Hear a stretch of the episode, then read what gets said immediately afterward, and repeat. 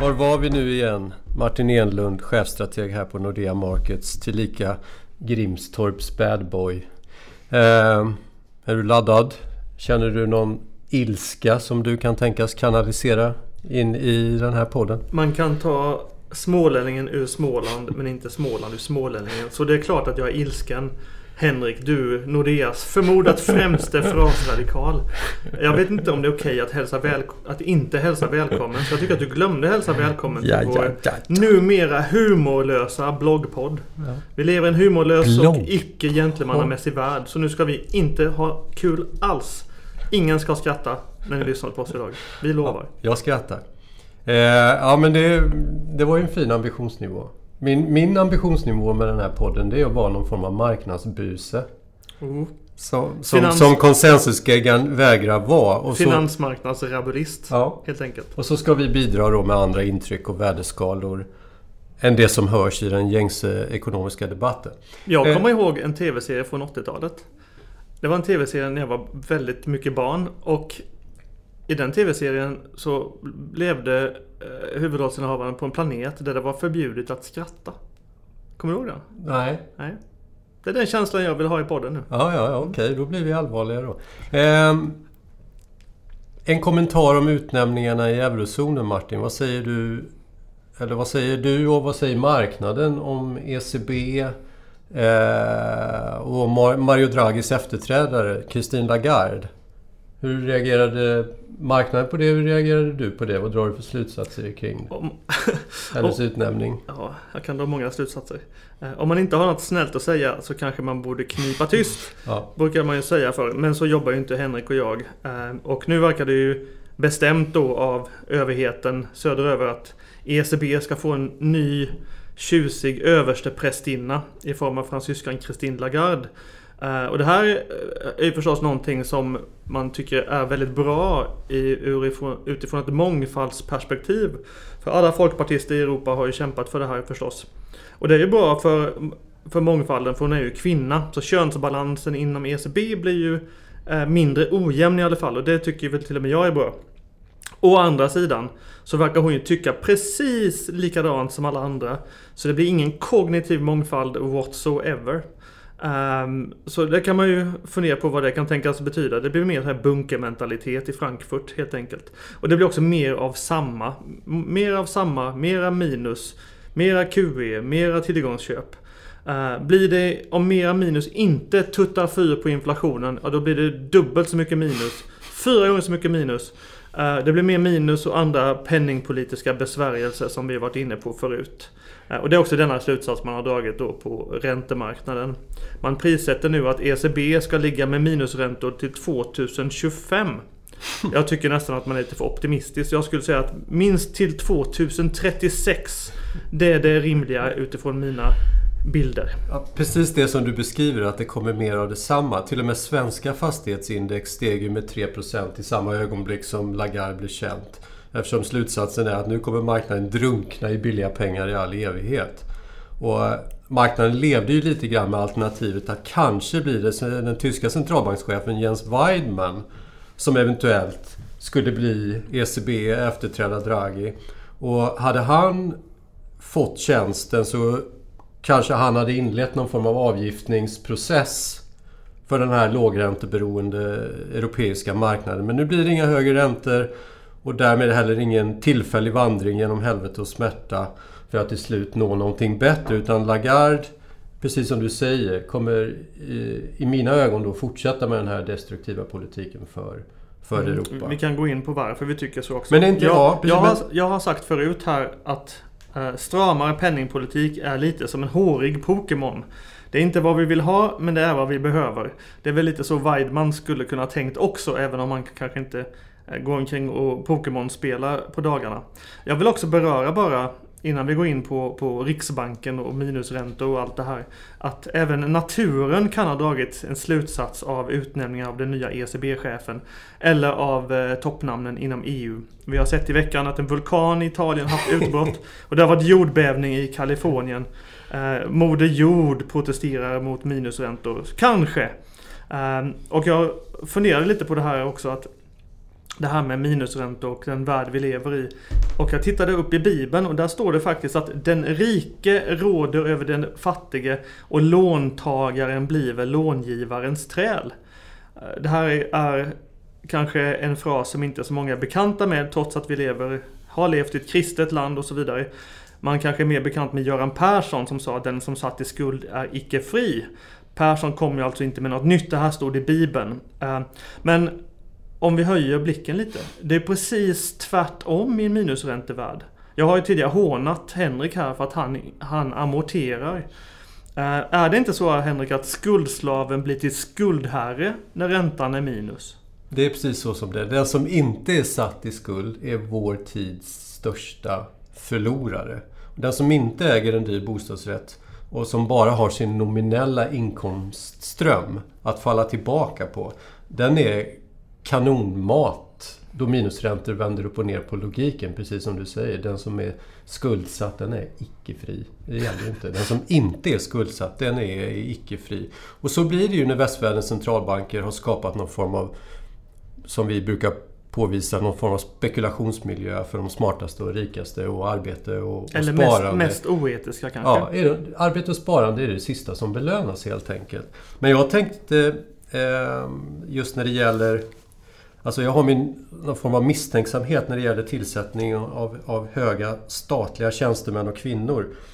Det är ju den här att människor som är ungefär som mig, vilket är majoriteten, vi drivs av någon form av habegär och vi är möjliga vi är ganska möjliga att beräkna och förstå då vi kommer att välja pengar eh, i alla lägen. Så tillvida kan man köpa personer som mig och, och, och styra dem med pengar. Vad har men hänt däremot... med alla högre ideal, Henrik? Jo, men, har du jag, inga sådana? Låt mig, låt mig bara eh, spetsa till det lite grann. Däremot människor som drivs av makt och lusten efter mer makt, de är livsfarliga. Deras motiv de är att, det är att bestämma, att vara för mer än andra och, och, att påverka människor, dra i människor för sina egna, ofta ganska dunkla motiv. Och de är skoningslösa och oberäkneliga.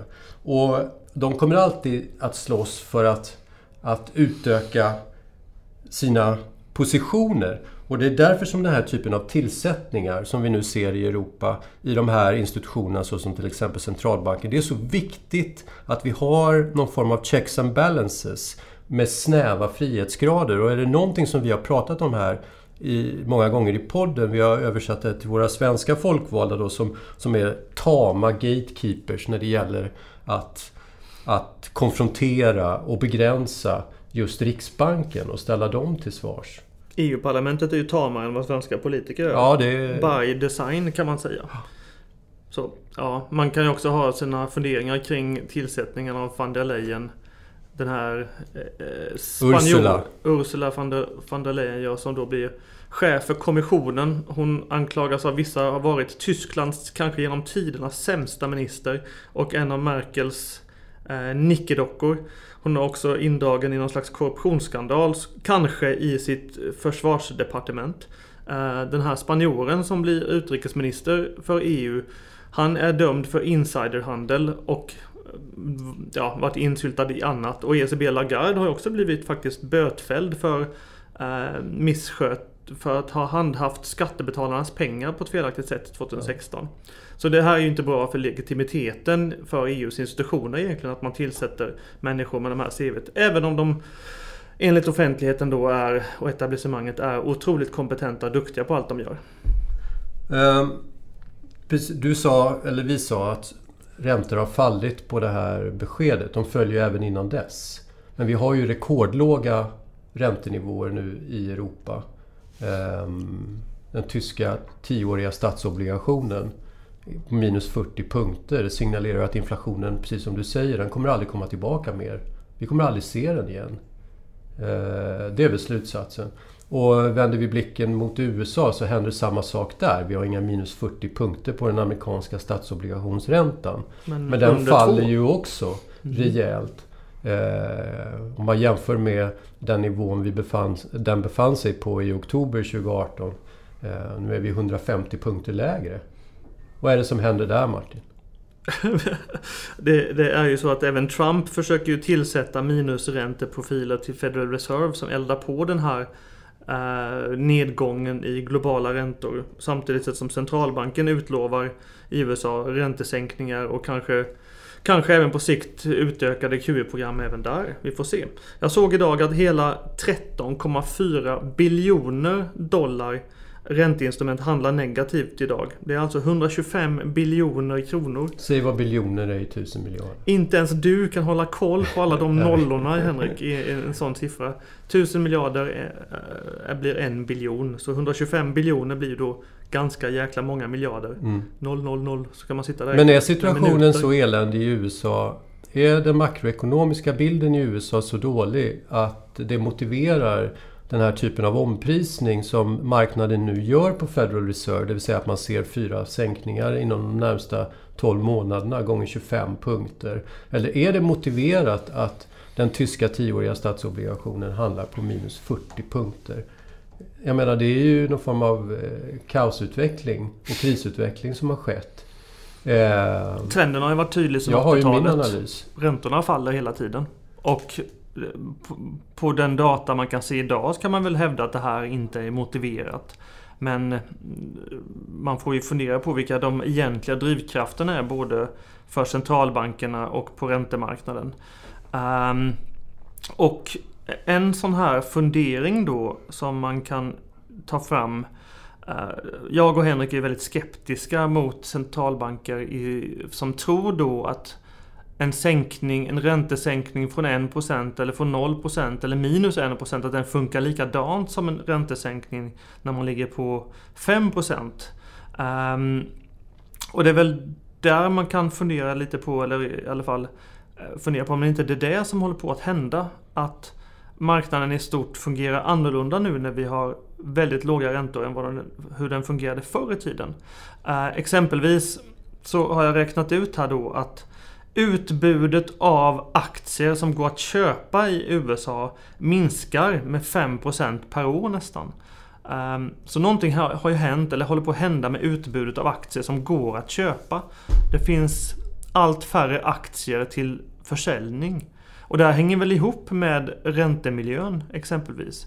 Att centralbanker och QE-program och sånt absorberar massa statsobligationer, låser in dem på valv då blir det sådana stora bristpremier på obligationer eh, som gör att räntorna faller handlöst även om makroekonomin inte är motiverade. Och det här i sin tur gör ju då att företag istället för att investera i faktisk ekonomisk verksamhet de kan ägna sig åt att låna billigt och köpa tillbaka sina egna aktier.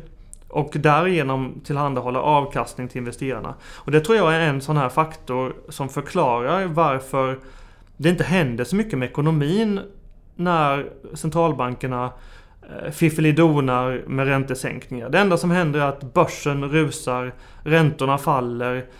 Men det händer inte så mycket med investeringskonjunkturen. Det är ju någonting som vi har noterat. Det är ju att makrobilden i G10-länderna den är usel. Och samtidigt så stiger börsen likt en skuddmissil mot skyn skuddmissil, då, då, då, tror ju du att den snart kommer dippa ner igen. Jag känner ja, mer att det är någon slags framtidens Elon Musk-raket på väg mot ja, Cassiopeia eller någonting. Så du säger egentligen att drivkraften är, är ganska bekymmersam egentligen på lång sikt eftersom eh, om du är CFO för ett företag, kapitalkostnaden är låg, du väljer att inte investera dina pengar. Istället så köper du tillbaka aktier. Du investerar inte därför att du ser inte att du kan få någon avkastning på lite längre sikt genom att bygga någon form av varför produktionsstruktur. Ta, varför ska du ta ekonomiska risker för? Nej. Alltså jag tänker med... Men det betyder ju att eh, om, du, om vi inte investerar in idag, om vi inte sår idag, då finns det ingenting att skörda i framtiden. Så det här är ju sotdöden på sikt. Penningpolitik kan ju inte skapa långsiktig tillväxt. Penningpolitiken kan väl bara försämra långsiktig tillväxt. En eh, hedgefondkund i London hade ett utbrott till mig tidigare i veckan. Och han tyckte väl egentligen att, att eh, domen över ECB-chefen Draghi, som älskas av alla, att den på sätt och vis kanske borde vara negativ. Just för att genom att Draghi och ECB har, har kört QE-program, minusräntor, så har ju Europas eh, ledare och länder inte gjort nästan några viktiga reformer. Nej, precis. Så det blir ju den här devalveringspolitiken som vi har haft i Sverige också med att, ja, att man inte tänker långsiktigt helt enkelt. Plus att det finns, om kapitalkostnaden är noll, då kan ju företag som är i grunden devalveringsföretag som konkurrerar eh, på marknaden genom att sänka sina priser. De kan ju få fortsätta att existera. De hade slagits ut hade kapitalkostnaden varit högre. Jo. Så man kan ju säga att de här låga räntorna förstärker egentligen en devalveringstrend. Om vi istället höjde räntorna och fick någon form av kapitalkostnad, då skulle företagen vara tvungna att höja sina priser. Nu och därmed så skulle vi också skapa någon form av inflation. Nu skulle vissa i svensk offentlighet tycka att vi är vi är bara tomma tunnor som skramlar väldigt mycket här på Nordea. Eh, vi strateger. Men eh, det finns faktiskt de som håller med oss. BIS släppte en rapport i veckan där de räknade ut att det har blivit eh, en helt annan zombifiering av näringslivet både här och där som faktiskt har makroekonomiska konsekvenser som är negativ. Och där är förstås låga räntor något som möjliggör zombieföretag mer eller mindre att köra vidare och därigenom undantränga uh, undantränga andra företag från att få möjlighet att växa. Uh, jag tycker man kan tänka så här om man ska komma med en konstig metafor. Så, så centralbankerna tror att räntan, att de alltid förstår vad de gör och att räntan, om man bara sänker den lite till så blir det dubbelt så bra för alla inblandade. Eh, guld och honung och allt det där. Eh, men kanske kan man jämföra räntan med temperaturen och ekonomin med vatten. Eh, så när temperaturen sänks så ökar vattnets densitet. Det här betyder att vatten blir tyngre och sjunker mot botten om man nu har vattnet i ett litet kärl som en sjö. Det är jättebra för oss som gillar att bada eftersom det blir varmt vid ytan på sommaren. Eh, men om vattnet blir tillräckligt kallt, då blir vattnet lättare istället. Det här går inte att förutsäga med någon slags termodynamisk lag eller så här. Ehm, så kontentan är att temperaturfördelningen av vattnet i svenska sjöar är helt annorlunda på, på vintern än den är på sommaren. På sommaren så är vattnet varmast längst upp. På vintern så är vattnet varmast längst ner. Väldigt bra nyheter för fiskarna som annars hade dött under vintern. Så här. Men då är funderingen här. Räntan kanske funkar likadant. Vi har aldrig varit på de här räntenivåerna förut. Helt enkelt. Och när Riksbanken utlovar, eller när centralbanker, vi ska inte dra in Riksbanken i det här för de är förstås oskyldiga. Eh, när centralbanker utlovar nollräntor eller minusräntor för evigt, då blir finansieringsräntorna för företag superduperlåga förstås. För extremt långa löptider. Samtidigt sett så är det ju många som drar slutsatsen att nollränt, att räntor att de är låga, det är ju en signal om att framtiden blir ganska eländig. Så varför ska då företagen ta ekonomiska risker? När de då kan bara lätt finansiera sig och ägna sig åt aktieåterköp och därigenom ge avkastning till sina investerare. Sen finns det också massa, massa knäppa konsekvenser om man extrapolerar de här trenderna. Om man till exempel har ett litet företag som en korvkiosk som genererar en liten utdelning. Om diskonteringsräntan är negativ, då blir den här korvkiosken oändligt mycket värd. Så blir det. Det blir liksom den teoretiska konsekvensen. En svensk bostadsrätt, om boräntan blir minus 0,01 eller bara 0, den är oändligt mycket värd. Hela pensionssystemet kommer gå i kras om de här minusräntorna består. Ja, det är det som händer nu på sistone i Europa. Att det är sådana här ja, eh, ALM-flöden som som, som trycker ner räntor något in i, in i bomben. Eh, längre ut 50-årspunkten i Europa liksom. Det är helt galet hur fort det går där ute. Men det är en automatisk konsekvens av den penningpolitik som förs. Eh, Riksbanken lämnade räntebesked i veckan och för att sammanfatta deras budskap på ornitologspråk så var det hökigt. Kan du förklara Martin, eh, vad blev reaktionen i räntemarknaden och i kronan på Riksbankens besked? Ja, lite ränta upp och lite kronstyrka men väldigt modest med tanke på vad, vad Riksbanken faktiskt sa. Ehm, och Riksbanken tillhandahöll en väldigt intressant prognosmix faktiskt. Och här kan man ju fundera på om, om Riksbanken inte har eh, lyssnat på vissa belackare, till exempel Henrik som har klagat och gnällt i, år efter år. Eh, bland annat på att Riksbanken är alldeles för modellstyrd. Um, och egentligen borde Riksbanken enligt sina modeller ha spått en mycket starkare krona än vad de gjorde nu i, i juli. Men eh, Ingves viftade bort det här. Nu har de bestämt sig att vi lyssnar inte på våra modeller i, all, i alla fall den här månaden. För hade de gjort det, då hade de varit mjuka istället och signalerat att den första räntehöjningen inte kan komma kanske förrän nästa sommar. Men nu håller de fast vid att marknaden, att de kanske höjer istället kring årsskiftet. Marknaden struntar dock i vad Riksbanken säger och räknar med att de kommer kasta in handduken. Eh, om inte i september så i oktober. Och skälet till varför man gör det är för att utsikterna jag menar det som händer i USA och det som händer i eurozonen talar för att Riksbanken bara är sena på pucken. Att förstå ja, men titta att på någonting svenska... elakt håller på att hända. Och, ja. Titta på svenskt inköpschefsindex. Eh, vi skojade lite här för ett år sedan att ungefär att om Riksbanken höjer kring vintern 2018 då kommer det nog bli lite som 2000 2008 när man höjde trots att allting försämrades globalt. Och nu ska alltså Riksbanken höja trots att Fed ska sänka, ECB ska sänka, Bank of Japan ska sänka. Förmodligen ska Bank of England sänka. Alla sänker förutom Norges Bank. Och Bank of Australia har redan sänkt två gånger. Och RBN Fed, Kiwi-banken ska också sänka förmodligen. Så den globala konjunkturen ser fortsatt ut att försuras. Mm. Eh, inflationen som Riksbanken faktiskt haft rätt i sin prognos på sistone. Eh, den kommer ju snart börja dala. Jag tycker det är lite kul också kan man ta med sig att det är inte lätt att vara centralbankir. Men nu när Riksbanken säger att de ska kunna klämma in en 25-punkters höjning till mot årsskiftet. Eh, så kan man då gratulera sig själva för att man har haft rätt på inflationen ungefär eh, sista månaden eller så. Och jag gick tillbaka och tittade på Riksbankens prognos från ett år sedan. Då spådde faktiskt Riksbanken att inflationen skulle vara det den var nu.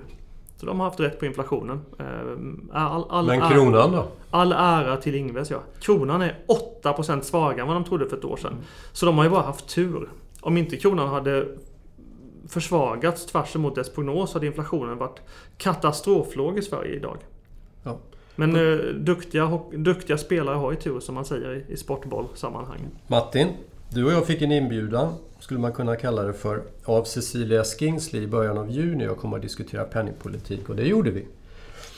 Eh, och precis som Martin säger så gamla lyssnare känner ju till att jag och Martin frekvent vi kritiserar Riksbankens penningpolitik. Ofta utifrån det som Martin har beskrivit, de här katastrofala bieffekterna som är konsekvensen av låga räntor. Hur marknaden, allt ifrån hur marknaden felallokerar kapital, värde existerar inte utan marknaden handlar istället på momentum, momentum och därtill då har ju då Riksbanken utifrån sitt inflationsmål skapat någon form av sjukdomstillstånd i kronan och svenska räntor. Eh, där fundamentala faktorer inte spelar någon roll för vare sig kronan eller, eller för avkastningskurvan. Men jag och Martin vandrade iväg hand i hand och vi tog plats i finsalongen på Brunkebergs torg. Och så diskuterade vi penningpolitik med Cecilia i, i en och en halv timme. Men det var en, var det en konstruktiv dialog, vad tycker du? Med tanke på att eh, Riksbanken faktiskt inte var överdrivet modellstyrd nu i juli så får vi väl dra slutsatsen att ja, det var en konstruktiv dialog. Ja. Mer eh, Slu vi uppskattar då att man kanske inte bara följer sina modeller slaviskt. Eh, vi och det är klart att det är inte bara jag och Henrik som har, som, som har kritiserat dem för det. Men man kan ju hoppas att vi i alla fall bidrog på något sätt i den riktningen. Um, förmodligen inte. Och det, alltså min, jag tror att mitt mål när jag gick dit var att eh, jag visste att Cecilia skulle spela det här kortet nationalekonomisk vetenskap som ett argument och ett alibi. Men det alibi. är ju ingen vetenskap. Nej, precis. Och, och det, men, men jag visste att det skulle komma upp och, jag, och då då tänkte jag att jag ger mig inte in i den här diskussionen utan jag ska prata istället om vad vi ser som är konsekvensen av deras penningpolitik. Men samtidigt är det så här, precis som Martin säger, det här är ju öppet mål eftersom all teori och forskning Gungfly. till slut måste mynna ut i The proof of the pudding is in eating it. Alltså forskning måste grundas i en teori som sen prövas mot verkligheten och mot de faktiska utfall som, som verkligheten då visar upp. Och har du en teori eller modell som många centralbanker, majoriteten, alla, eh, som inte är veri verifierbar i faktiska utfall, då kan den inte användas. Efter tio år av finanskris, krisräntor, krisåtgärder, så är inflationstakten, om vi tar Sverige som exempel, rensat för växelkursmanipulation, rensat för oljepris, rensat för energi och livsmedel. Den är fortsatt 1%. Och modellerna idag som man hänvisar till. De klarar inte av att förutse framtiden. Eh, jag menar, titta bara på hur Fed har blivit tagna på sängen av det som händer i amerikanska ekonomi. Man har gått från eh, att ekonomin är in a good place till att wow, vi har panik på bara några månader. Och, och därtill så saknar modellerna det bakåtblickande perspektivet. Där till exempel man diskuterar inte en ökad inkomst och förmögenhetskoncentration. Att det är någonting som de själva till och med bidrar till. Eh, och skälet till varför inte, inte modellerna inkorporerar det, det är för att de inte ställer frågan. Och de saknar ju metoderna för att besvara den här typen av frågor. Så din slutsats är att de, de ser inte bakåt, de ser inte framåt och de kan inte analysera det som händer här och nu på ett godtagbart sätt. Och, och det För finns... dig är godtagbart Nej, precis. Men, men samtidigt är det så... Det var därför som när jag läste ECBs kör. Han höll ett tal i mitten av maj. Och han, han är fullständigt uppriktig, mer uppriktig än vad jag, jag trodde att man någonsin skulle få höra från en, en ECB-ledamot. Han säger så här, och då blir det på engelska. One of the biggest mysteries currently facing central banks around the world uh, is why inflation has failed to pick up more forcefully after years of extraordinary monetary stimulus. This is one of the most fiercely debated topics in macroeconomics with few definite answers. Så han erkänner att vi har inte en blekaste aning om vad det patienten lider av för sjukdom. Men i samma andetag så är han, han är helt säker på vad botemedlet är. Mera minus. Mera minus. Mera QE. ja, jag tycker mycket om kör också. Men just den här det var också någonting vi diskuterade med Cecilia. Hur säker kan man vara på att, att ens penningpolitiska vapen fungerar som man tror när vi aldrig har, har använt dem förut? Och det, och det är ju lite grann det att, att när Kerr säger det, när han andas den här upp, uppgivenheten i det ögonblicket som han gör det, då måste ju forskarsamhället inse att nu krävs det någon form av omtag. Vi, vi, det krävs en vetenskaplig öppenhet och vilja att omformulera och ifrågasätta de här tidigare slutsatserna.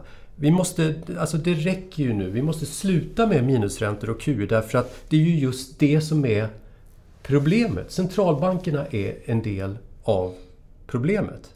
Och inte lösningen, som His de själva tror. Historien kommer ju visa vem som har sant. Ehm, jag brukar citera Hegel men jag tänkte prova Kierkegaard idag. Ja, kör den. Och det är just det här att... Han är ingen muntergök. Livet måste levas framifrån men kan endast förstås bakifrån. Så är det ju med penningpolitik också. Ehm, och det är väl någonting som gör att man hopp, ja, att man önskar att centralbankerna som då är Eh, Eh, väldigt malliga generellt sett. Det ligger ju också i deras mandat att låta malliga för att försöka ingjuta förtroende. Eh, att de kanske använde mer försiktighet när de lanserade sina nya, eh, nya stimulansprogram.